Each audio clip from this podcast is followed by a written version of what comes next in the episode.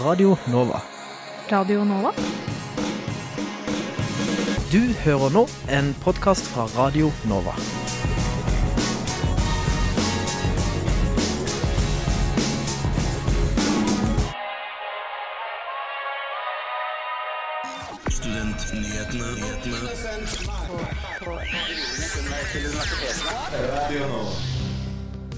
Hjertelig velkommen skal du være til den aller siste timen med Studentnyhetene dette året. I studio sitter Julie Byberg Bø.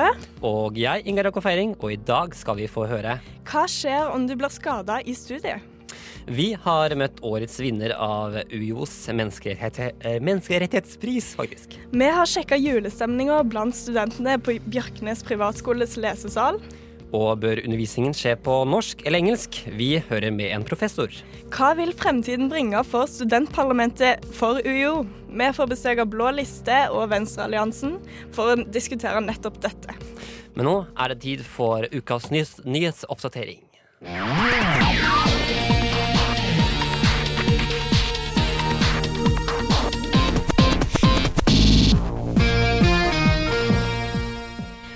Tidligere i høst sto Barrat Due musikkinstitutt i fare for å bli en del av Høgskolen Kristiania. Nå har regjeringen gjort et unntak, og stiftelsen kan forbli selvstendig, skriver Universitas. I sommer inngikk Barrat Due en intensjonsavtale med Høgskolen Kristiania om å bli kjøpt opp. Nå legges denne avtalen på is. I løpet av de siste åra har det vært et voksende fokus på viktigheten av arbeidslivsrettede ferdigheter, som kommunikasjon og ledelse. Sånne ferdigheter er ikke bare viktige for akademiske studier, men òg ettertrakta i arbeidslivet. Dette skriver Aurora Håtveit, andre nestleder i Høyre Studenter til Krono. Hun mener at vi burde satse mer på kommunikasjons- og ledelsesfag i høyere utdanning. 1.11 la forsknings- og høyere utdanningsminister Iselin Nybø ut en Instagram-post fra hennes besøk i Sør-Afrika tidligere i høst. Dette reagerte SAIH-leder Beate Øgård på. Til Krono forteller hun det er uheldig at ministeren legger ut slike meldinger for en offentlig delegasjonsreise. Det viktige er at hun ikke bidrar til å bygge opp under stereotypiske forestillinger. Det var ukas nyhetsoppdatering. Mitt navn er Julie Byberg Bø. I Universitas kom det fram denne uken at eh, Norsk studentorganisasjon ønsker at studenter skal være forsikret på studiestedet. Vi har derfor fått fem eh, Karine eh, Heer Aas, velferd- og likestillingsansvarlig i NSO i studio. Hei. Og fem, hva går dette forslaget ut på? Dette forslaget går ut på at studenter skal være forsikret på i utdanningen sin på samme måte som det arbeidstakere er. For sånn som vi ser i dag, så er studenter forsikra på lik linje med alle i Norges befolkning under folketrygdloven. Men det er en svært, svært eh, liten forsikring. Eh, hvis du f.eks. skulle bli ufør i studietiden din, eh, så vil du da ende opp som minstepensjonist resten av livet. Men hvorfor mener du at eh, dette er viktig? Å, Guriland. Eh, forsikring er kjempeviktig. Eh, det som er med livene vi lever, da, er at vi har hele tiden en risiko. Eh, når det kommer til det vi har i huset vårt. Eh, det er jo en, en innboforsikring. Hvis det brenner, så mister du alt. Hvis det er tyveri, så mister du alt. Går du ut for en ulykke, så blir du skada. Det koster mye penger. Selv i velferdsstaten i Norge. Blir du ufør, så er det Altså, du skal fortsatt leve lenge, da. Selv om du er ufør. Og derfor er det så viktig at du er forsikra, sånn at den risikoen du bærer hver dag, er det noen andre som tar på seg. Og det er jo mye av grunnen til at man har eh, mange ulike typer forsikringer. For den risikoen som vi bærer hver dag, den er det noen andre som vi betaler for at skal ta over. Men kan du ikke fortelle litt sånn eh, Hva hadde skjedd hvis jeg eh, hadde blitt skada? F.eks. datt ned ei trapp eller fått noe i hodet. Hva konkret hadde skjedd? Av utbetalinger, eller? Ja, ut ifra dette forslaget, da. Det vi eh, mener, og her er det jo eh, ulike eh, typer for en yrkesskadeforsikring som vi eh, ofte snakker om med arbeidstakere. Det er jo pålagt for alle arbeidstakere å ha en yrkesskadeforsikring på sine eh, arbeidsgivere og arbeidstaker. Ja. Så, og da trengs det en ulykke, som er en arbeidsulykke eller lignende. Så hvis man kan lage en sak på at det er vaska med olje eh, og at du derfor sklir, så er det en, eh, en ulykke. Og hvis man da er arbeidstaker på universitetet eller på høyskolen, så er det da en yrkesskadeerstatning som man kan få dekka da fra sin arbeidsgiver. For en student så må du på sykehuset, du må betale regningene selv. Mm. Vi har vært i kontakt med medlemmer i utdannings- og forskningskomiteen på Stortinget, og enkelte av dem har svart oss hva de mener om deres forslag. Eh, blant annet så sier representanter fra Høyre følgende til Studentnyhetene. Eh, studenter ved universiteter og offentlige høyskoler er yrkesskadedekket gjennom folketrygden. Eh, studenter har dermed samme rettigheter som arbeidstakere i forhold til yrkesskadedekning. Dermed er personskade, sykdom eller dødsfall forårsaket av en plutselig uventet og uforutsett hendelse i en undervisningssituasjon på undervisningsstedet og eller i undervisningstiden dekket. Mener dere i NSO at dette ikke er godt nok? det eh, representanten her tar feil av, der representanten tar feil, er at studenter er ikke like godt dekka som en ansatt. Eh, alle de tingene om folketrygden, her har representanten helt rett. Eh, jeg har f.eks. funnet fram eh, en sak i Finansklagenemnda der en student har arbeidet med masteroppgaven sin på en kjemilab. Eh, uti, altså der har det da skjedd en ulykke som har skapt en eksplosjon som har gjort at denne studenten ble blind og fikk hull og blødninger i øyet. Og dårlig hørsel. Studenten fikk da yrkesskadedekking av Nav, men gikk også til sak for å få yrkesskadeforsikring. Og Da er det allerede sagt at dette er en yrkesskade, men i den saken så sier nemnda det at studenten gjør ikke arbeidet på vegne av universitetet, og derfor er den ikke yrkesskadeforsikring. Så ja, dekket til en viss grad, men absolutt, absolutt ikke på lik linje som arbeidstakere. Men om undervisningsstedene skulle forsikre studentene sine, så ble det jo betalt store beløper i premier. Eh, ville det ikke vært bedre å bruke disse midlene på andre formål? Nå er det jo eh, dette litt teknisk, fordi eh, universiteter og høyskoler som er statlige, kan ikke um, inngå forsikringsavtaler på vegne av hver enkelt student. Så vi kommer også til å gjøre flere utredninger i hvordan vi skal finne de beste løsningene for nettopp dette. Men Eh, ja, studenter har eh, tynne lommebøker med lite penger. Eh, og ja, man snakker om studiestøtte, og det er kjempeviktig. Men er det også da riktig at store deler av den studiestøtten skal gå til en forsikring som jeg og NSO mener at universitetene, høyskolene og staten bør ta et større ansvar av? Eh, ja, for du, du, sier jo litt at eh, staten er jo da selv altså. Det vil si at ingen statlige virksomheter kan tegne private forsikring som undervisnings- eller offentlige høyskoler. Eh, og ja, staten skal på det dekke tap og skade selv. Ønsker dere NSO å endre dette? At staten skal slutte å være, betale selv? Tja. Altså, tekniske løsningen på eh, hvordan vi skal få det til. Fordi mm. nei, de kan ikke tegne eh, personlig forsikring per student. Men de er pålagt å tegne forsikring for ansatte. Hvorfor kan man ikke samarbeide og finne gode løsninger på å også dekke studenter under den samme forsikringen?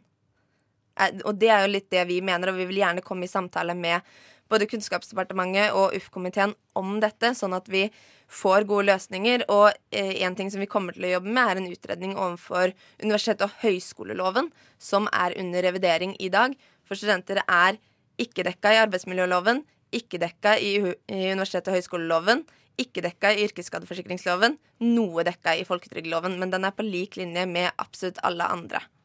Så det er minste, minste, minste kravet, og med en lav erstatning utbetalt.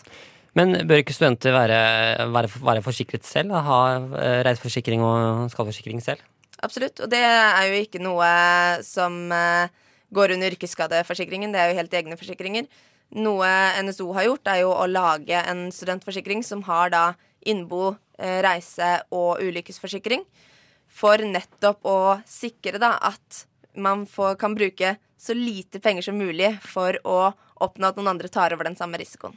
Ja, du nevner at NSO har forsikring. Er ikke dette noe dere tjener penger på? Nei. Nei. Men, ikke, ikke en krone. Ikke en krone. Ikke engang forsikringsselskapet Trygg, som dere har avtale med? Vi har ikke avtale med forsikringsselskapet Trygg. Nei. Vi har avtale med eh, et forsikringsmeglerselskap som heter Søderberg og Partners. De kan tjene noe på det. Foreløpig så sliter også de med å tjene noe særlig penger på det. Så det her er skrapa så godt vi overhodet kan, fordi vi hele tiden har gjort samarbeidet og skapt gode avtaler. Og vi prøver bare å lage en forsikring som studenter faktisk har råd til. Det er jo at Vi får håpe at eh, studenter holder seg skadefrie, og at det i fremtiden kanskje blir lettere å få, eh, få en slags forsikring. Takk til Fem Karine Her Aas, velferds- og likestillingsansvarlig i NSO. Evigheten med Malstrøm her på Redonova. Og det er jo snø ute, og det er jo jul og greier. Men vi får håpe at det også blir sommer en gang i evigheten. Men uansett, eh, Universitetet i Oslo åpnet eh, Oslo Peace Days denne uken med å dele ut sin menneskerettighetspris. Årets eh, vinner, Nora Sveås, ble tildelt prisen for sitt arbeid med flyktninger, menneskerettighetsbrudd psykologiske og psykologiske konsekvenser av dette. Vi var der og intervjuet Sveås etter at hun nettopp fikk denne prisen. Som 18-åring begynte jeg å jobbe sånn ute i slummen i Brasil for en periode, så, det, så jeg var forholdsvis ung, da. Jeg har liksom, som jeg sier, jeg har vært veldig heldig som har fått anledning til å jobbe med faget på en såpass variert måte. Prisvinner Nora Sveås var tydelig rørt når hun inntok podiet. Og det manglet ikke på godord fra både kolleger, men også fra Oslo kommune og Nobelkomiteen.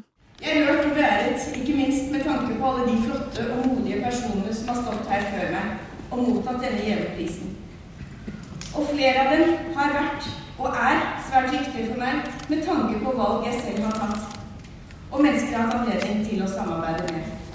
I år markerer vi at det er 70 år siden den universelle menneskerettighetserklæringen ble vedtatt av FNs generalforsamling.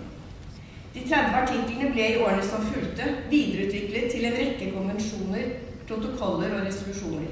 En av disse er retten til ikke å bli torturert. Torturforbudet ble ytterligere formulert og konkretisert i FNs torturkonvensjon fra 1984, og i tilleggsprotokollen til denne, som ble vedtatt i 2006. Og i dag arbeides det aktivt for en universell ratifisering av torturkonvensjonen. Denne kjennes kanskje best for sin første artikkel, som definerer tortur.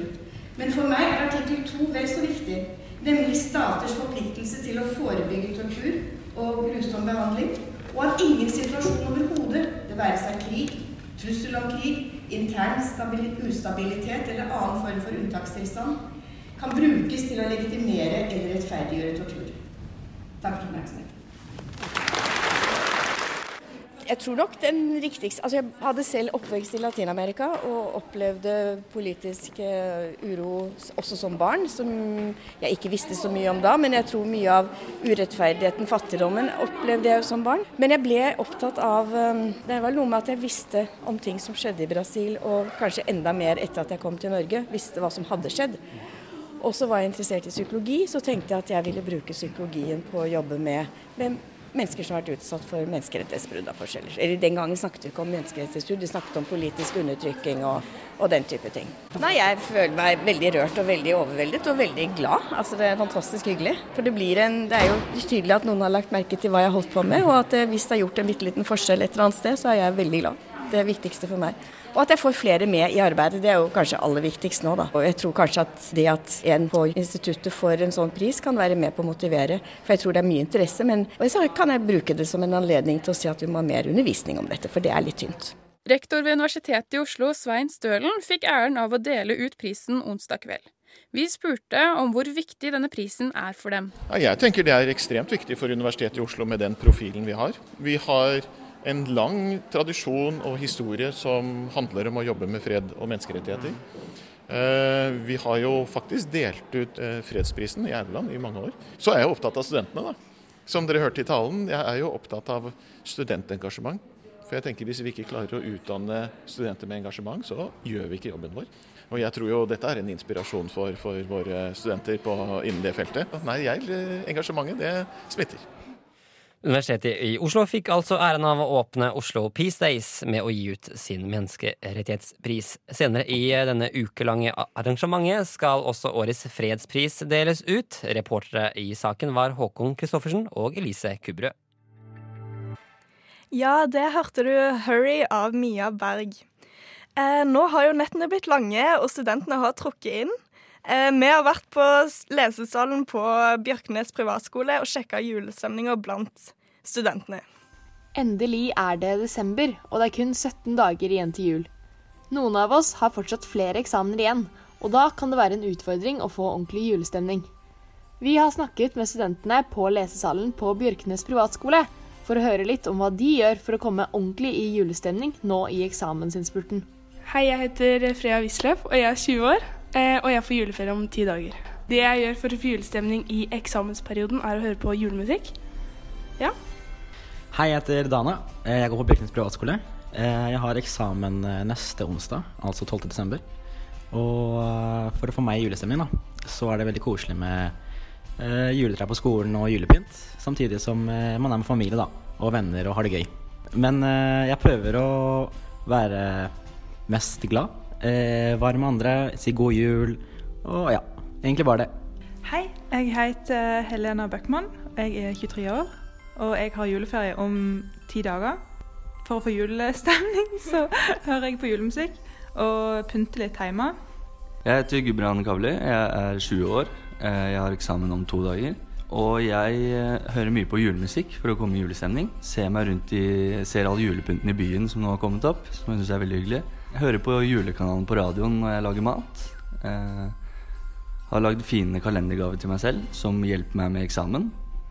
Eh, som f.eks. en banan som øker energinivået. Eh, som er veldig viktig når man leser eksamen.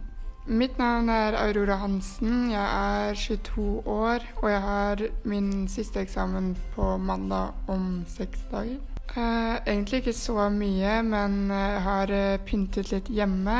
Og så er det hyggelig å sitte her på Bjørknes fordi de pynter med juletre og sånne ting. Men min uh, julestemning blir nok ikke før etter eksamen. Det gjør den ikke. Det er altså ikke lett å finne den gode julestemningen i eksamenskaoset. Men for mange så er det heldigvis ikke lenge etter ferie. Når jeg får juleferie, så skal jeg reise på juleferie til Danmark. Uh, feire jul og nyte at jeg ikke har eksamen mer. Eh, Jeg tar norsk som helårsfag, så jeg tenker jeg har noen hull jeg må tette. Så jeg skal bruke litt av ferien på det. Eller skal jeg jobbe og bare være med familie og venner. Når jeg får juleferie, da skal jeg hjem til mamma og de på Sørlandet. Og så skal vi spise masse god mat og pynte juletreet. Ja. Da skal jeg slappe av en god del, men også ta, lese litt norsk, for jeg har også noen hull jeg må tette. Men jeg skal ta noen helgeturer til hytta. Mm. Eh, Når jeg får juleferie, så skal jeg jobbe, sånn at jeg får tjent litt penger så jeg slipper å jobbe så mye i studietiden, fordi jeg fokuserer mest på studiene i eksamensperiodene. Da er det veldig deilig å slippe å bekymre seg for at man også må på jobb for å ha penger. Eh, og så skal jeg jo ha litt ferie, da, være med familie og feire jul med de, og bare prøve å nyte fritiden litt. Jeg tror konklusjonen er at vi gleder oss masse til jul, og at det blir veldig deilig å få levert eksamen og dra hjem til familien. Eh, det er ikke altså eh, bare lett å få julestemning, men heldigvis så er det ikke lenge til juleferie. Reporter i saken var Josefine Ytre Eide Bjørstad. Skal man egentlig snakke norsk eller engelsk under studietiden? Framtidsutvalget overleverte nylig en rapport til Trine Skei Grande, hvor de har tatt eh, seg opp dette temaet. Vi har tatt en prat med leder for Fremtidsutvalget og professor ved Universitetet i Oslo, Unni Røyne Land, om denne rapporten. Så oppdraget vårt det har vært å prøve å peke på de eh, områder der, eh, som, der språkpolitikken særlig må eh, fokusere på da, i framtida. Fremtidsutvalget er en bredt sammensatt gjeng med mennesker fra ulike deler av samfunnet. Det blant annet sittet en sjef fra Microsoft, noen fra NRK og fra skoler og universitet i utvalget. Det ene kapittelet i rapporten handler om nettopp språk i akademia. Vi syns jo at det i utgangspunktet bør være norsk, men her må en være pragmatiske. Sånn at vi er jo på ingen måte imot engelsk. Altså Universiteter er internasjonale arenaer, så klart. Eh, men det er mer det å finne en viss balanse. fordi at det er også sånn at eh, UH-sektoren, altså universitets- og høgskolesektoren, har ansvar for å ta vare på og videreutvikle norsk fagspråk. Sånn at eh, det er klart at vi skal bruke engelsk, både i publisering og, og også ha tilbud på engelsk. Mange frykter at det vil være flere som kan falle fra om det blir for mye engelsk på studiene, og Unn Røyneland forteller om hvorfor dette kan skje. Altså, Vi har en tendens til å tro at vi er så skrekkelig gode i engelsk. Og det er klart vi er relativt gode i engelsk sammenligna sammenlignet med, med mange andre europeiske land. Eh, for vi starta tidlig. ikke sant? Allerede i første klasse så starta en med engelsk, og vi hører mye engelsk. Det er jo ikke sånn at, eh, at vi dubber, ikke sant. Så mye film og eh, annen eh, kulturinput, det er på engelsk. Så, så vi er godt vant til det. Men akademisk engelsk, det er faktisk noe helt annet. Hun forteller òg at på samme måte som man må lære seg akademisk norsk, så er akademisk engelsk noe man ikke bare kan fordi man er god i engelsk, men at det er noe man må læres opp i. Men må fagtekstene da også være på begge språk? Altså Det er jo faktisk vår, eh, det politiske målet eh, fra Soria Moria-erklæringa, eh, at eh, en skulle sikte mot parallellspråklighet. Eh, sånn at eh, vi kan tenke oss at vi har, eh, vi har mye på engelsk, men vi sørger også for å ha det på norsk.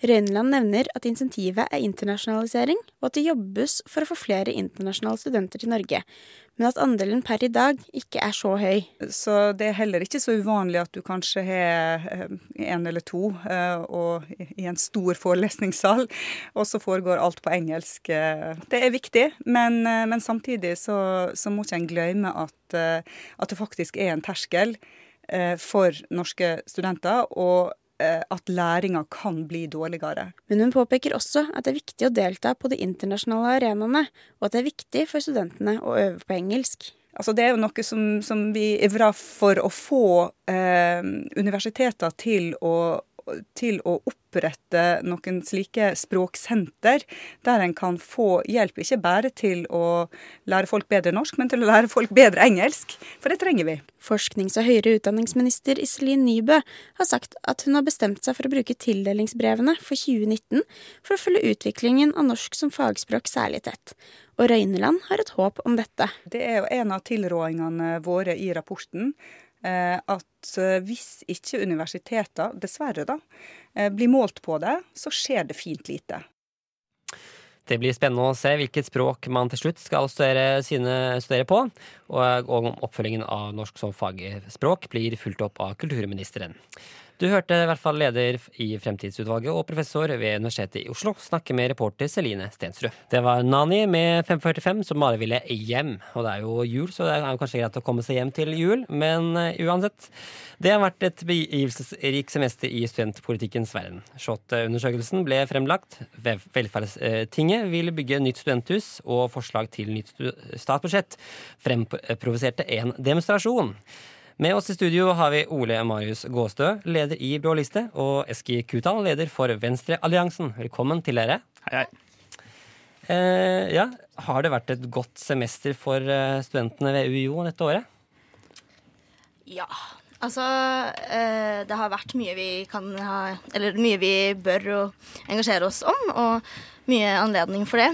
Men eh, så er det jo selvfølgelig statsbudsjettforslaget er vi ikke sånn veldig fornøyd med. og så er det jo flere saker som har kommet opp som eh, ja, studenter på en måte kanskje ikke kommer best ut av.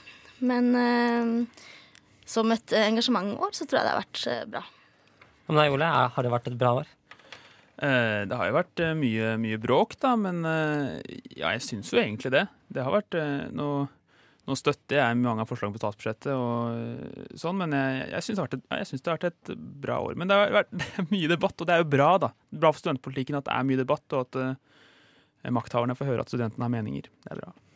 Ja, for Tidligere i semester så mente studentparlamentets leder for Oslo Ment at Iselin Nybø gir blaffen i resultatet fra SHoT-undersøkelsen. Er dere enig i den påstanden? Ole? Ja. Eh, jeg, jeg, er ikke enig i det. Jeg syns Iselin Nybø er en uh, god uh, minister. Um, og jeg har ikke inntrykk av at hun gir, gir, blaffen i den. Selvfølgelig SHoT-undersøkelsen viser jo at det er mange som har det vanskelig på universitetet. og jeg tenker at det her er mange sosiale tiltak vi må gjøre på universitetet for å bukte med det. Bukte med det. Men jeg er ikke enig i at f.eks. statsbudsjettforslagene nå handler om å gjøre det vanskeligere å være student. Det er jeg uenig i. Eh, og jeg er jo helt enig i det utsagnet som lederen av Oslo Met har kommet med. Uh, blant annet så ser vi jo at fra SHoT-undersøkelsen at rundt én av fire studenter uh, sliter med å betale regninger og få det til å gå rundt, og det er ganske alvorlige tall. Og at det er flere som har liksom, en tilnærmet fulltidsjobb ved siden av et fulltidsstudie. Og da mener vi selvfølgelig at det budsjettforslaget som har kommet, bare virkelig ikke hører på de kravene og rettighetene som vi har, og det vi ønsker. Um, så det syns vi er uh, veldig tullete, da. Men det har jo ingen betydning for deg som student at Selvfølgelig det. konverteringsordningen endres etter å ha ferdig som student. Det har ingenting å si for din økonomiske hverdag der og da. Dessuten så øker jo regjeringen fortsatt altså uh, stipendet for hvert år, og det har de det er det de som gjorde. Det var ikke den rød-grønne regjeringen som gjorde det. Var ikke den rød-grønne regjeringen som gjorde det, det er den blå regjeringen som gjør. Nei, det, altså, man kan ikke bare stoppe med at uh, sånn stipend øker når, uh, som selvfølgelig er bra, når man velger å ikke gjøre om deler av stipendet til stipendlenger med lån. Og det at det ikke påvirker en studiehverdag, er en ganske naiv tanke. fordi selvfølgelig vil uh, hvordan jeg skal betale tilbake liksom, flere hundre tusen kroner påvirke hvordan jeg lever studiehverdagen min. Påvirker ikke min så mye. Jeg tror ikke det påvirker så veldig mange andre at du har at hva som skjer etter å ha med studiet. Eh, det blir uansett et lån du må betale tilbake. Det er uansett om det er 40-25% som blir konvertert. Eh, jeg tror ikke det har så veldig mye å si for om det er First Price, torske Hva heter det alt sammen? Jeg spiste mye sånn First Price fiskegrateng for 10 kroner. Det er veldig godt. Når jeg ikke hadde jobb. Eh, jeg tror ikke det har så mye å si frem og tilbake, da. Da tror jeg du er i en ganske heldig posisjon som mange ikke deler. Men hva mener dere er den beste måten å løse de utfordringene som SHoT-undersøkelsen har vist? Sosiale tiltak på universitetet er veldig viktig. Samhold, at kjellerpubene f.eks. har gode um, hva heter det, rammevilkår, heter det vel fint. Uh, at det er lett for studentene å bli med i organisasjoner, og at de er åpne og at de ikke virker lukkede. Altså lukkede foreninger. Hvis, hvis foreninger fremstår lukkede, er det negativt. Jeg er veldig opptatt av sosiale tiltak. Og så er det selvfølgelig økonomi er viktig også. Men særlig sosiale tiltak. At studenter, nye studenter føler seg inkludert, er kjempeviktig. Og da er fadderuka helt essensiell. Mm. Enig. Eh, vi må ha en mer inkluderende fadderuke som på en måte strekker seg mer enn bare et par fester og et par grupper her. Eh, UiO er jo en veldig stor by, og mer enn bare en studentby, som er en veldig stor Nei, Oslo, beklager. Som, eh, som er en veldig stor styrke, men også en svakhet i at eh, mange da ikke føler seg hjemme eller ikke føler at de har en tilhørighet. Um, så det kan man jo styrke, da. Eller bør man styrke med foreningsvirksomheter og liksom flere felles tiltak. Mm. Dere nevnte jo, hadde jo litt, eh, litt liten debatt her om denne ordningen til stipend, den nye, nye stipendordningen, eh, som du akkurat eh, snakket om. Men litt mer om det i forhold til deg, Eski. Mener, eller, forslaget er jo for å få flere studenter til å, til å fullføre. Hva, hvorfor, hvorfor, vil ikke høyere eller mindre stipend bidra til at, å få flere folk til å fullføre en bachelorgrad? Mm. Eh, man ser jo at straff som liksom et virkemiddel for å få noe gjennomført, sjelden virker.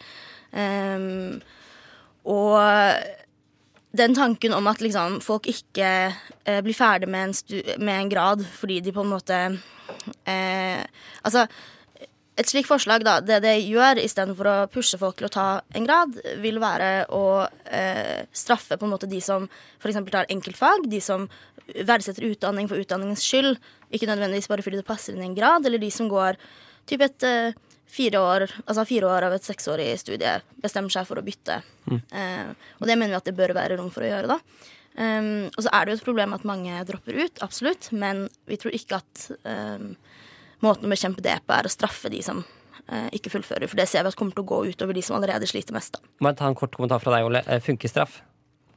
Funker insentiv? Ja, insentiv funker. Det funker i hele resten av samfunnet. I privat næringslivet, blant konsumenter, eh, på skoler. Det funker med fraværsgrense. Det funker i samfunnet for øvrig. Hvorfor, skal, hvorfor funker det ikke på, høyre, eh, på universitetet? Jeg vet ikke. Det funker. Det er jeg ganske sikker på. Vi skal i hvert fall snakke mer sammen, men først skal vi høre The Crates med In The Middle. Og vi er jo ikke i midten av programmet, men eh, kanskje nærmere slutten. I studio har vi fortsatt med oss eh, listeleder for Venstrealliansen og Blå liste, Eskil Kutal og Ole Marius Gårdstå i studio. Vi skal fokusere litt mer på fremtiden og hva listene har lyst til å oppnå i, for våren 2019.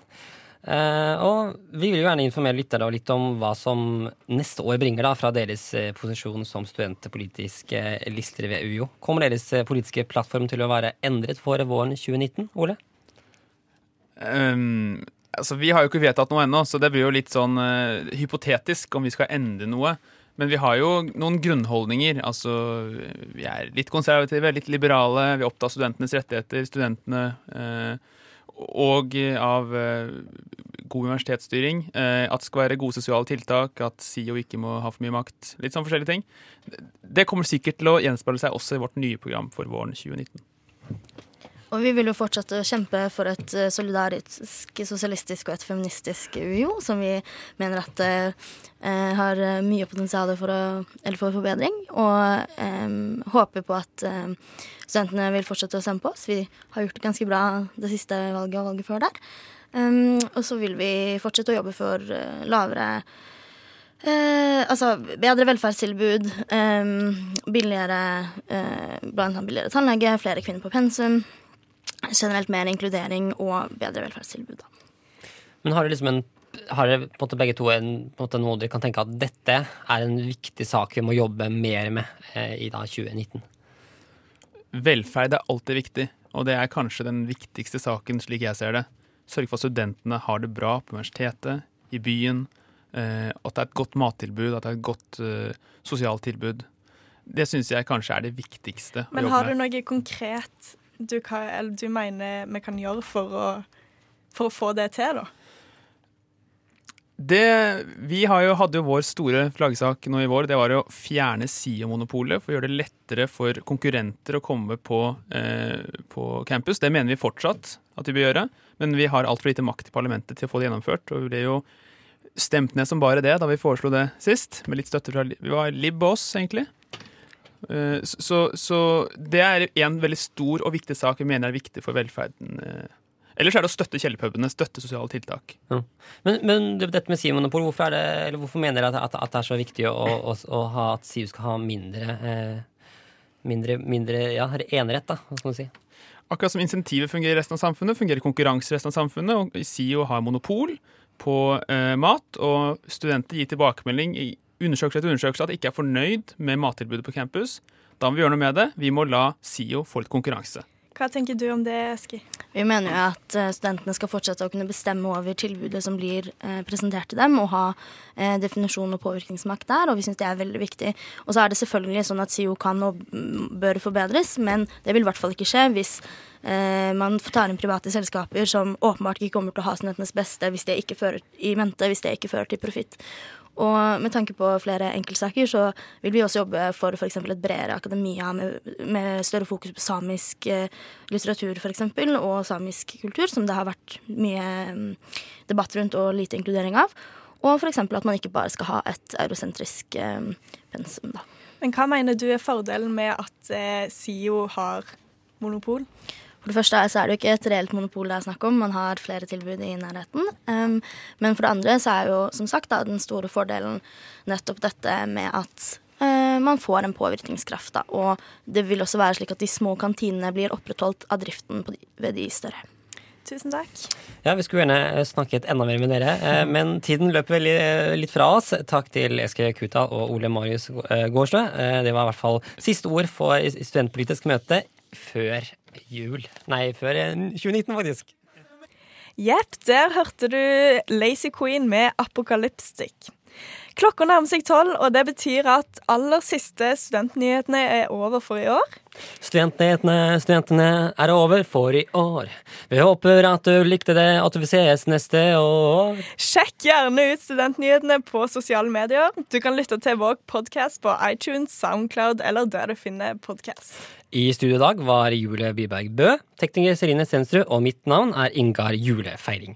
Straks får du satire fra radiotjenesten av Nova, og vi ønsker deg en riktig god jul og et riktig godt nytt år. Så ses vi igjen i 2019. God jul! Du har hørt en podkast fra Radio Nova. Likte du det du hørte? Du finner flere podkaster i iTunes og på våre hjemmesider radionova.no.